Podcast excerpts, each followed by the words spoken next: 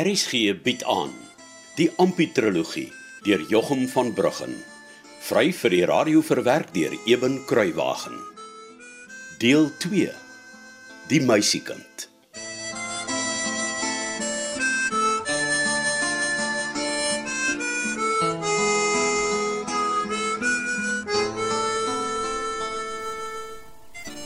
Ampie jong. Jy so te sê klaar jou eie boerie op aangenaam. Kyk. Ek kom van môre besigheid praat. Besigheid. Wat 'n besigheid? Sê my ou swaar. Jy geld. Geld. Waarvoor? Kyk, ek het mos flits vir jou gesê ek moet wegkom van vlakplaas af. Ja. En toe het ek ook vir jou gesê, daar's net een plek vir my en dis die Dickens. Daar's ek tuis. Jy sê so Bart, maar maar wat 'n besigheid wil jy dan nou vanmôre net vinnig met my kom praat? Soos ek nou al vir jou gesê het, my goeie ou neef. Het 'n starter nodig. Ja, en, en- en wat sal jy maak met so 'n starter? Want dis waar ons begin. Ampie.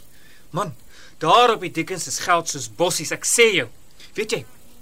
Elke graspol wat jy daar uit die grond uittrek, kan jy maar sê het 'n diamond onderaan. Wat? 'n Diamant, man. Dis wat ons die blink klippies op die Dickens noem. Diamonds, hè? En ek het gedink ek wil vir jou eerste kans gee Eerste kans vir wat? om te belê in ons diamond besigheid, Ampie. Ou neef, my swaar. Jy, ek ken van geld. En ek weet jy en Annetjie gaan geld nodig kry as julle eers getroud is. Ons sal regkom. Ampie, Ampie, Ampie, luister mooi na my vanmôre ou boet. Waarna sal dit lyk as ek my eie familie nie die eerste kans gee om groot geld te maak nie, hè? Jy het my eenmaal met 'n trompie verkil, ou Bart. Die ding se draad het sommer skielik eendag mors afgebreek en jy speel nog al die tyd op my bekvlekkie. Nee, nee, nee, nee, so maklik vang jy my nie weer nie. Om Casper het vir my 15 shillings gebeere tot ek dit eendag altemat nodig kry. Maar jy sal nie eens daaraan ryk nie. En nog net 'n paar dae dan se ek 21. Dan's ek 'n man. Jy kan nog nie besigheid doen die Bart. Jy's mos nog nie 21 nie. Wat het mondigheid met besigheid te doen? Solank ons mekaar kan vertrou en een die ander nie verneek nie, dan is die besigheid mos goed en reg. ja. Ek's vandag meer mondig as jy. Jy, genoeg Bart. Jy sal jou rieme nog styf loop. En besigheid met jou doen ek nie. Hoekom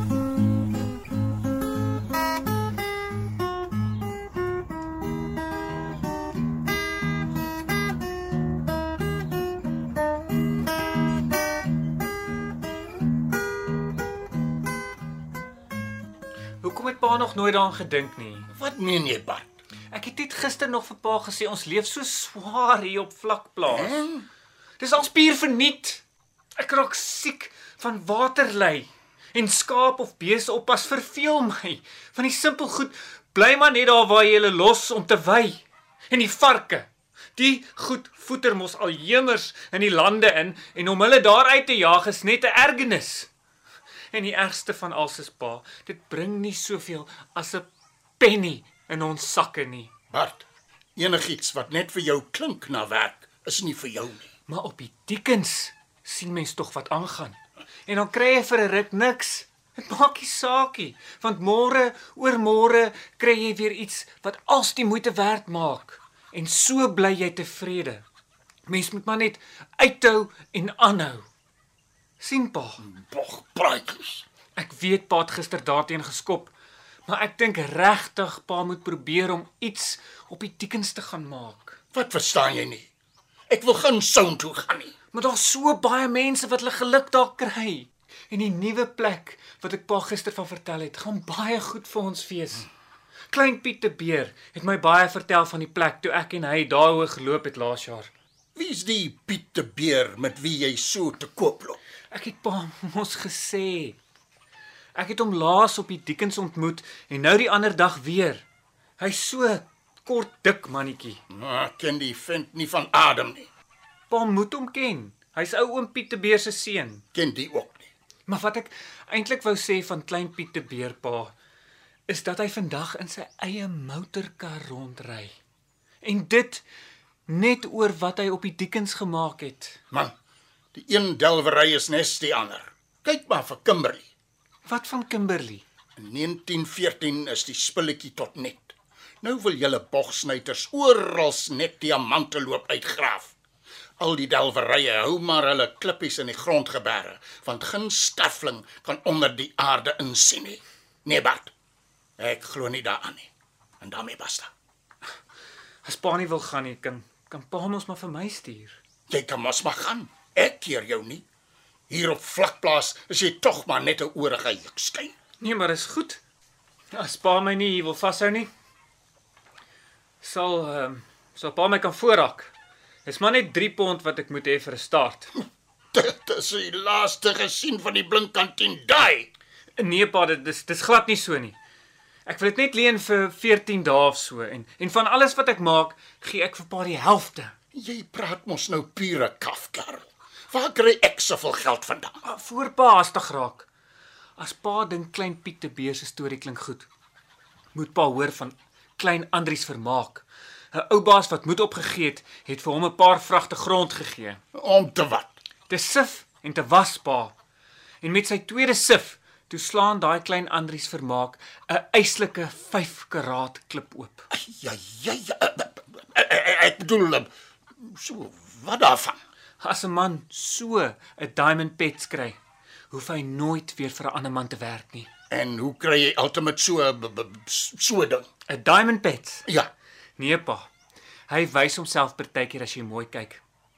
Ek het vir klein Piet te Beer nog gesê, "Jong, dis 'n pets daarie." Ja. Daardie motorkar sou vandag myne gewees het as ek toe net daardie 3 pond vir die start gehad het. Maar jy was gek om daai rykplek vir hom te wys. Jy weet mos hoe armoedig ons hier is. Aha. En daar's mos baie meer as net een pet spa. Hmm? En die plaas waar hulle die nuwe diekens gaan opsit, ken ek tog al te goed. Dis mos waar ek saam met klein Piet te Beer was. Hy's 'n ou prospekteerder en hy het vir my beduie hoe die diamantpyp loop. Ah. En oor ek nou so baie weet van die diekens en pa niks. Hmm. Dink ek dit sal die beste wees as ek en pa in 'n maatskappy gaan. Hmm? Als om die helfte, hè? Huh? Pa moet my net aan die 3 pond vir die start help sodat ons kan begin groot geld maak. Ons het geld nodig vir Annetjie en Ampie se troue, jy weet mos. Maar ek sê mos vir pa, ek wil dit net leen vir 14 dae of so.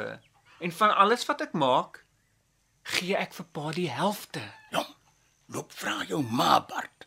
Ek het nie 'n penny op my naam nie. Uh, ek dink dit is beter as pa maar e eerder vra. Uh, ma sal dit nie so mooi verstaan soos pa nie. Uh, En uh, wat as jy die geld nie kan terugmaak in 2 weke se tyd nie? Annetjie moet tog in alle ordentlikheid trou en jou ma het hoeka die geld vir haar troue weggesit. Pa hoef nie bekommerd te wees nie. Die geld is seker. Ek sweer vir pa. O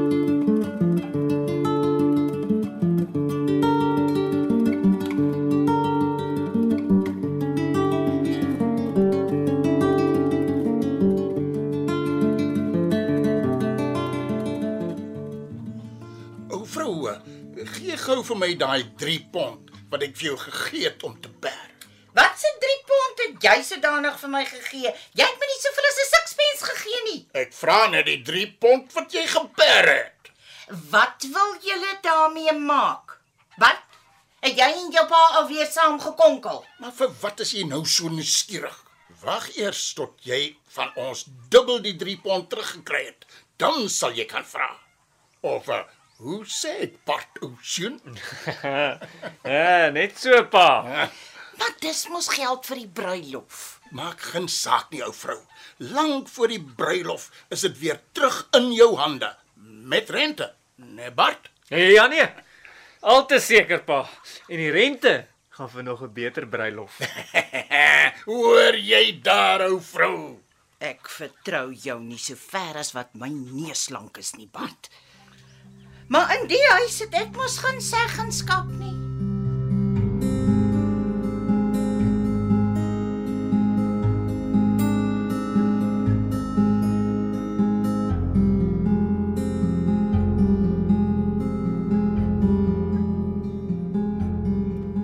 Annetjie sê vir my Bart is toe weg om tuis. Ja, hy's dikkens toe. O, oh, sal maar sien. Ja. Oor ek nou vandag 21 is, het uh, het ek vanmiddag met hom Casper gepraat oor oom Flippel se huis. O ja, en eh, en wat het jy vir hom gesê? Nee oom, eh, ek het vir hom gesê vandag is ek mos 21 my oomie. en Oom moet nou vir my sê of ek die huis vir my en Annetjie kan regmaak of nie. Oom het vir my die lande gegee toe ons die nuwe akkoord gemaak het, maar ek reken dat as 'n man 'n eie boerdery het en 21 is en wil gaan trou, dat hy 'n behoorlike huis ook moet hê. Net so het ek vir hom gesê. Ek sien en wat sê hy toe? Hy sê sy woord is sy eer en ek en Annetjie kan die huis maar kry. Maar baie geluk, Karel. Ek kan sien jy gaan sommer baie goed vir Annetjie sorg. Nee, ek moet oom. Ek moet haar oppas en vir haar sorg, nes die Bybel sê. En so hoor dit ook ou seun. So, ehm um, dis hoekom ek vir oom wil vra of uh, of oom sal omgee as ek en Annetjie in November trou. Nou ja, mondige ampie. Dink jy nie altemat dat jy vir Annetjie se moeder ook moet vra nie? O, Ja, ja, oom Tuis. eh, Ek het maar net gedink ek vra oom nou maar eerste. Ou vrou, kom hoor hier vir ampie. Ek wil profeteer dat as hy eers vir Annetjie het, hy nie vir my of vir jou meer sal ken in enige saak nie. Jy kan geen profeteer nie, tuis. Die profete is almal lankar te siele en jy's te oud vir een. O, hoe praat jy nou so verkeerd, ou vrou? Ou Rensburg lewe mos nog of hoe? En ek is lank nie te oud om 'n profeet te word nie. Elisa van die Ou Testament het 'n profeet geword toe hy al kaalkop was. Vergeet nou eers van die bog. Vir wat roep jy my weg van die kospot af, tuis? Wat wil Ampie vra? Uh, Toe ampie, vra jou. Oom Tuis, uh, tant Annie. Uh, ek wil vra of dit na oom en tante hulle se sin sal wees as ek en Annetjie in November trou. 'n Vrou? Wat sê jy? Ek weet nie hoekom wat ek dink nou skielik tel nie, tuis. Maar wat my betref, ja, November maand is goed. Dankie tannie Annie. Oom Tuis. Ja, ampie, as jou tante sê dis reg, dan is dit maar reg so. November is van hierdie oomblik af amptelik julle bruilofsmaand. Dankie oom Tuis. Ja. En as oom nou so deur deur die venster vir die donker te kyk. Ampie jou seun.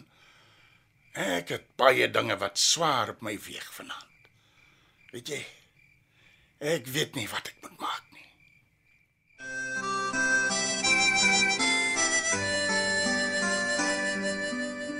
Dit was Ampie, die meisiekind, deur Jochum van Bruggen. Cassie Lauers behartig die tegniese versorging. Die verhaal word vir RSG verwerk deur Eben Kruiwagen en in Kaapstad opgevoer onder regie van Joni Combrink.